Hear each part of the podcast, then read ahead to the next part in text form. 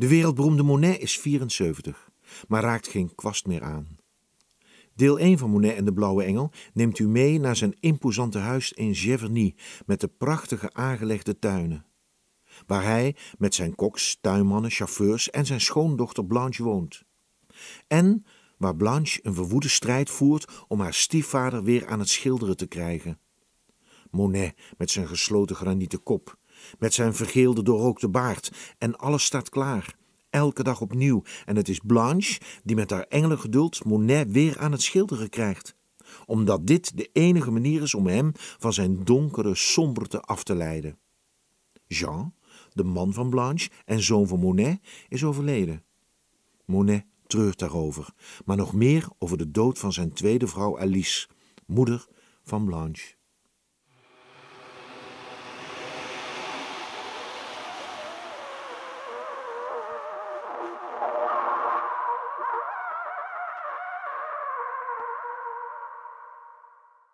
20 augustus 1914.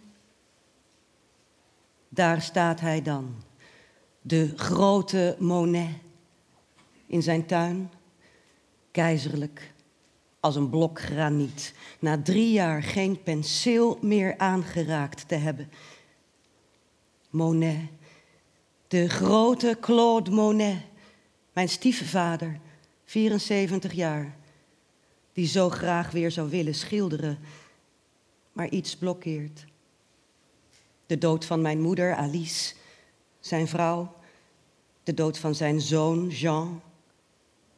Nu, aarzelend achter zijn ezel, en de tuinmannen lopen anders. De kok, de dienstmeiden, zijn chauffeur, die zijn auto traag poetst met engelengeduld. Mijn stiefpapa, twijfelend en onzeker achter een wit doek.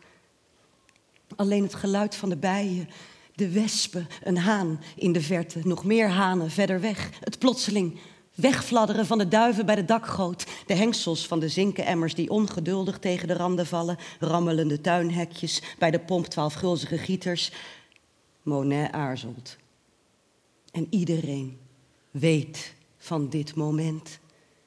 En iedereen werkt op dit moment vol ijver.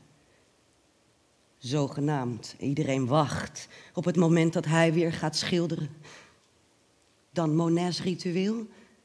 Eerst een sigaret, dan een diepe haal, kijken. Uitblazen, weer kijken. Ik ben Blanche Ochdé. Beter gezegd, Blanche Monet. Ik heb mijn leven met Jean, de oudste zoon van Monet, gedeeld. Maar nu is mijn man dood. En sinds drie jaar geleden Alice, mijn moeder en de tweede vrouw van Monet, gestorven is, zorg ik voor de oude, koppige schilder. Hij schroomt en ondertussen sudderen de stooflapjes, lekken de kweeperen, stomen de asperges en zet de kok de dampende schalen op het grote keukenblok in het geel geschilderde keukenverblijf waar makkelijk 16 mensen zich rond de tafel scharen. Giverny.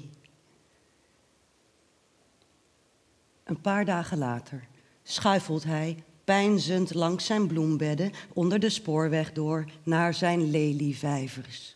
Daar wacht opnieuw een stralend wit doek. Een diepe haal, kijken, uitblazen, weer kijken.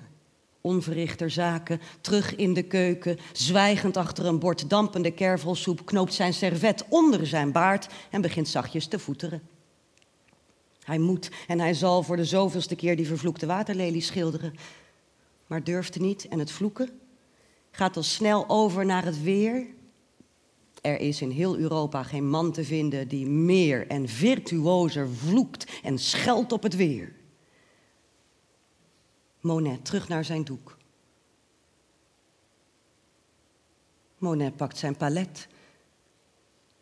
Monet pakt zijn penseel. Er zijn tijden geweest dat ik heel onzeker was. Onzeker over mijn huwelijk. Onzeker over mijn nooit vervulde kinderwens. Als ik zijn kleinkinderen door de tuin zie struinen en peukjes zie verzamelen in het blikje om dan het blikje vol en trots aan hem te presenteren, steekt het soms. en onzeker over mijn talent. Ook al zegt men dat ik net zo goed schilder als hij. Onzeker, maar in zijn buurt verdwijnt mijn onzekerheid. En het is een ongekend thuiskomen als ik beslis bij hem te komen wonen.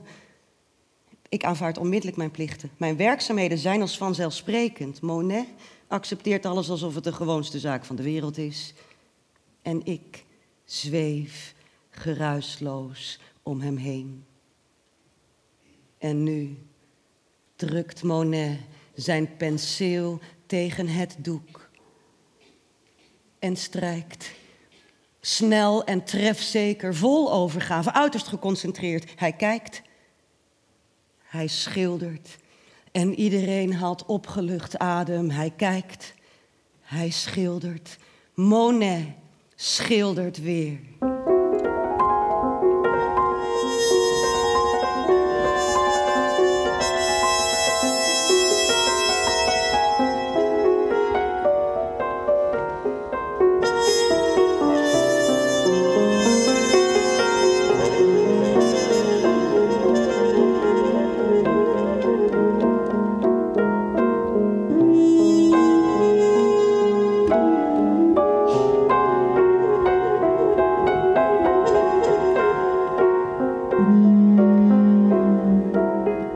Ja.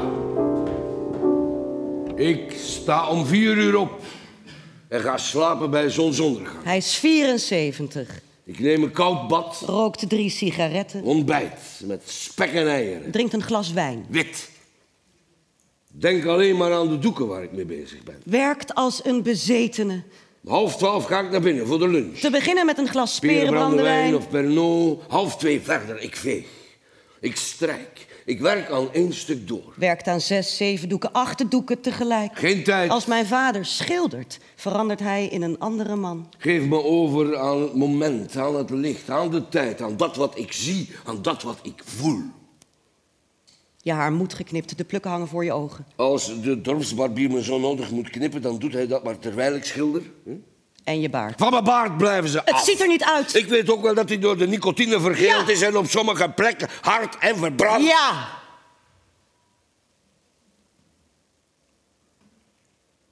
Monet schildert weer, turend door zijn spleetogen naar zijn motief, zijn handen, vrij als onvoorspelbare zwaluwen, scherend langs zijn doeken. Dan weer mysterieus en onvoorspelbaar, dan weer robuust en trefzeker. En heeft hij contact met wat hij ziet? Is hij euforisch, mijn stralende, euforische stiefvader? Geen oever, geen horizon, zowel onder water als erboven. Maar als het werk gedaan is, transformeert hij langzaam in een koppige, mopperende, stugge man. Misschien is het niet goed. Zijn kwellende twijfel als tweede natuur. Het is goed. Zo'n dertig jaar geleden schilderde hij een winterlandschap met een oude eikenboom. Het werk schiet niet op, dan breekt de lente aan en zit de boom binnen de kortste keren vol knop. Ik was nog niet klaar. Je houdt de natuur niet tegen. Ik ben wel twintig keer opnieuw moeten beginnen. Nu pas begrijp ik hoe het moet. Ik was verdomme nog niet klaar. Monet huurt een paar werklieden om alle knoppen te verwijderen. Net zolang totdat hij klaar is. Klaar.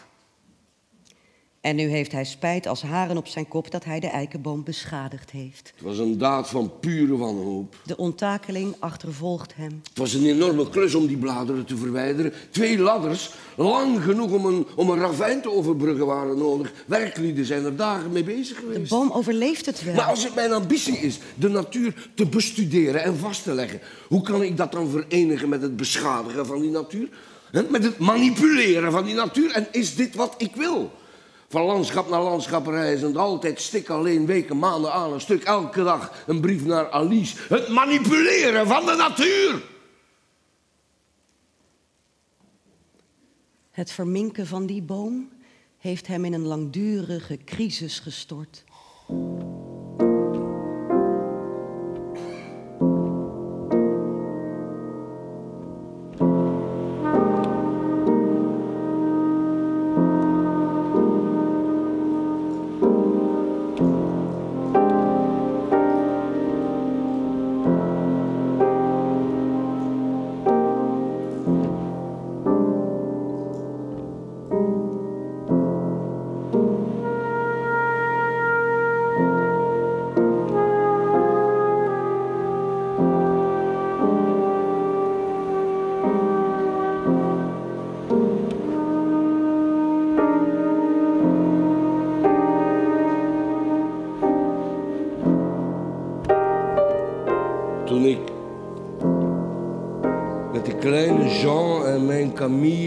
Etretat woonden, was ik zielsgelukkig.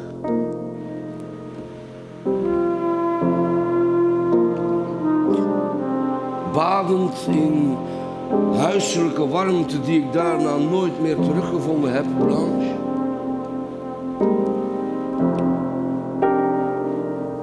Mijn angst, mijn angst voor mijn motief, ik kijk naar de vijver. Kijk naar de lelies. Ze verlammen me en dan durf ik niet meer.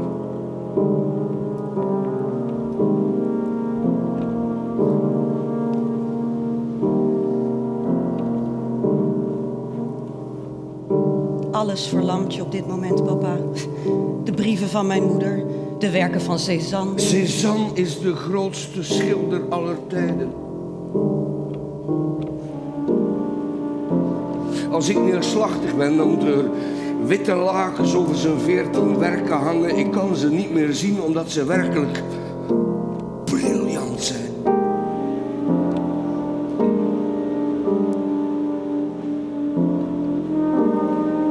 Kandinsky.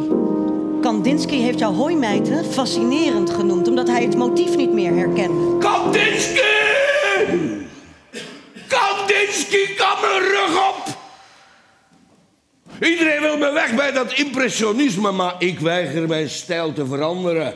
Ik schilder zoals ik het zie, zoals ik het voel. En als jij wil dat ik verder ga... Ik wil niets liever, alsjeblieft. Iedereen wil dat je verder gaat. Je beste vriend, de ex-minister Clemenceau, wil je weer aan het werk zien. En hij niet alleen, hè. Heel Frankrijk wil dat je weer gaat schilderen, pap. Je graanmijten zijn een groot succes. Je gevels van de kathedraal van Rouen, je populiere serie. Allemaal een groot succes.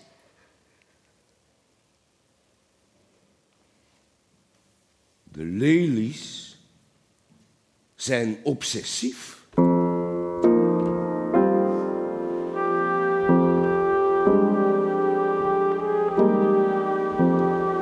Ik kan aan niets anders meer denken.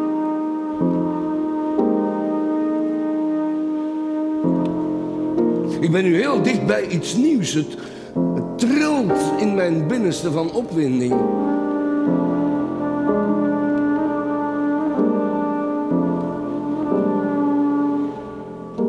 Het is het samengaan van allerlei herinneringen met precieze observatie.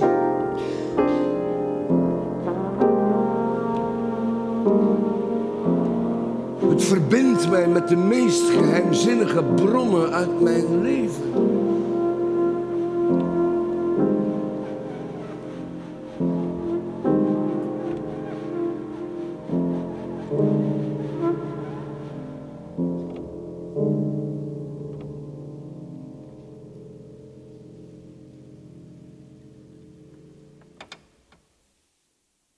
U hoorde deel 1 van Monet en de Blauwe Engel. Een productie van het vijfde bedrijf, opgenomen in januari 2020 in Kunstmuseum Den Haag. Geschreven door mij, Hans van der Boom. Composities van Michael Varenkamp. Dries van Egen als Monet en Annemarie de Bruin als Blanche. Op trompet Michael Varenkamp. Piano Jasper Soffers. Vincent Krauwer en Ramses Nieuwenhuizen zijn verantwoordelijk voor de geluidstechniek. Met plezier geluisterd? Waardeer dan deze podcast door een review achter te laten of te delen via uw socials. Hiermee steunt u tevens ons theatercollectief Het Vijfde Bedrijf. Kijk op www.hetvijfdebedrijf.nl slash Monet en de Blauwe Engel voor meer informatie.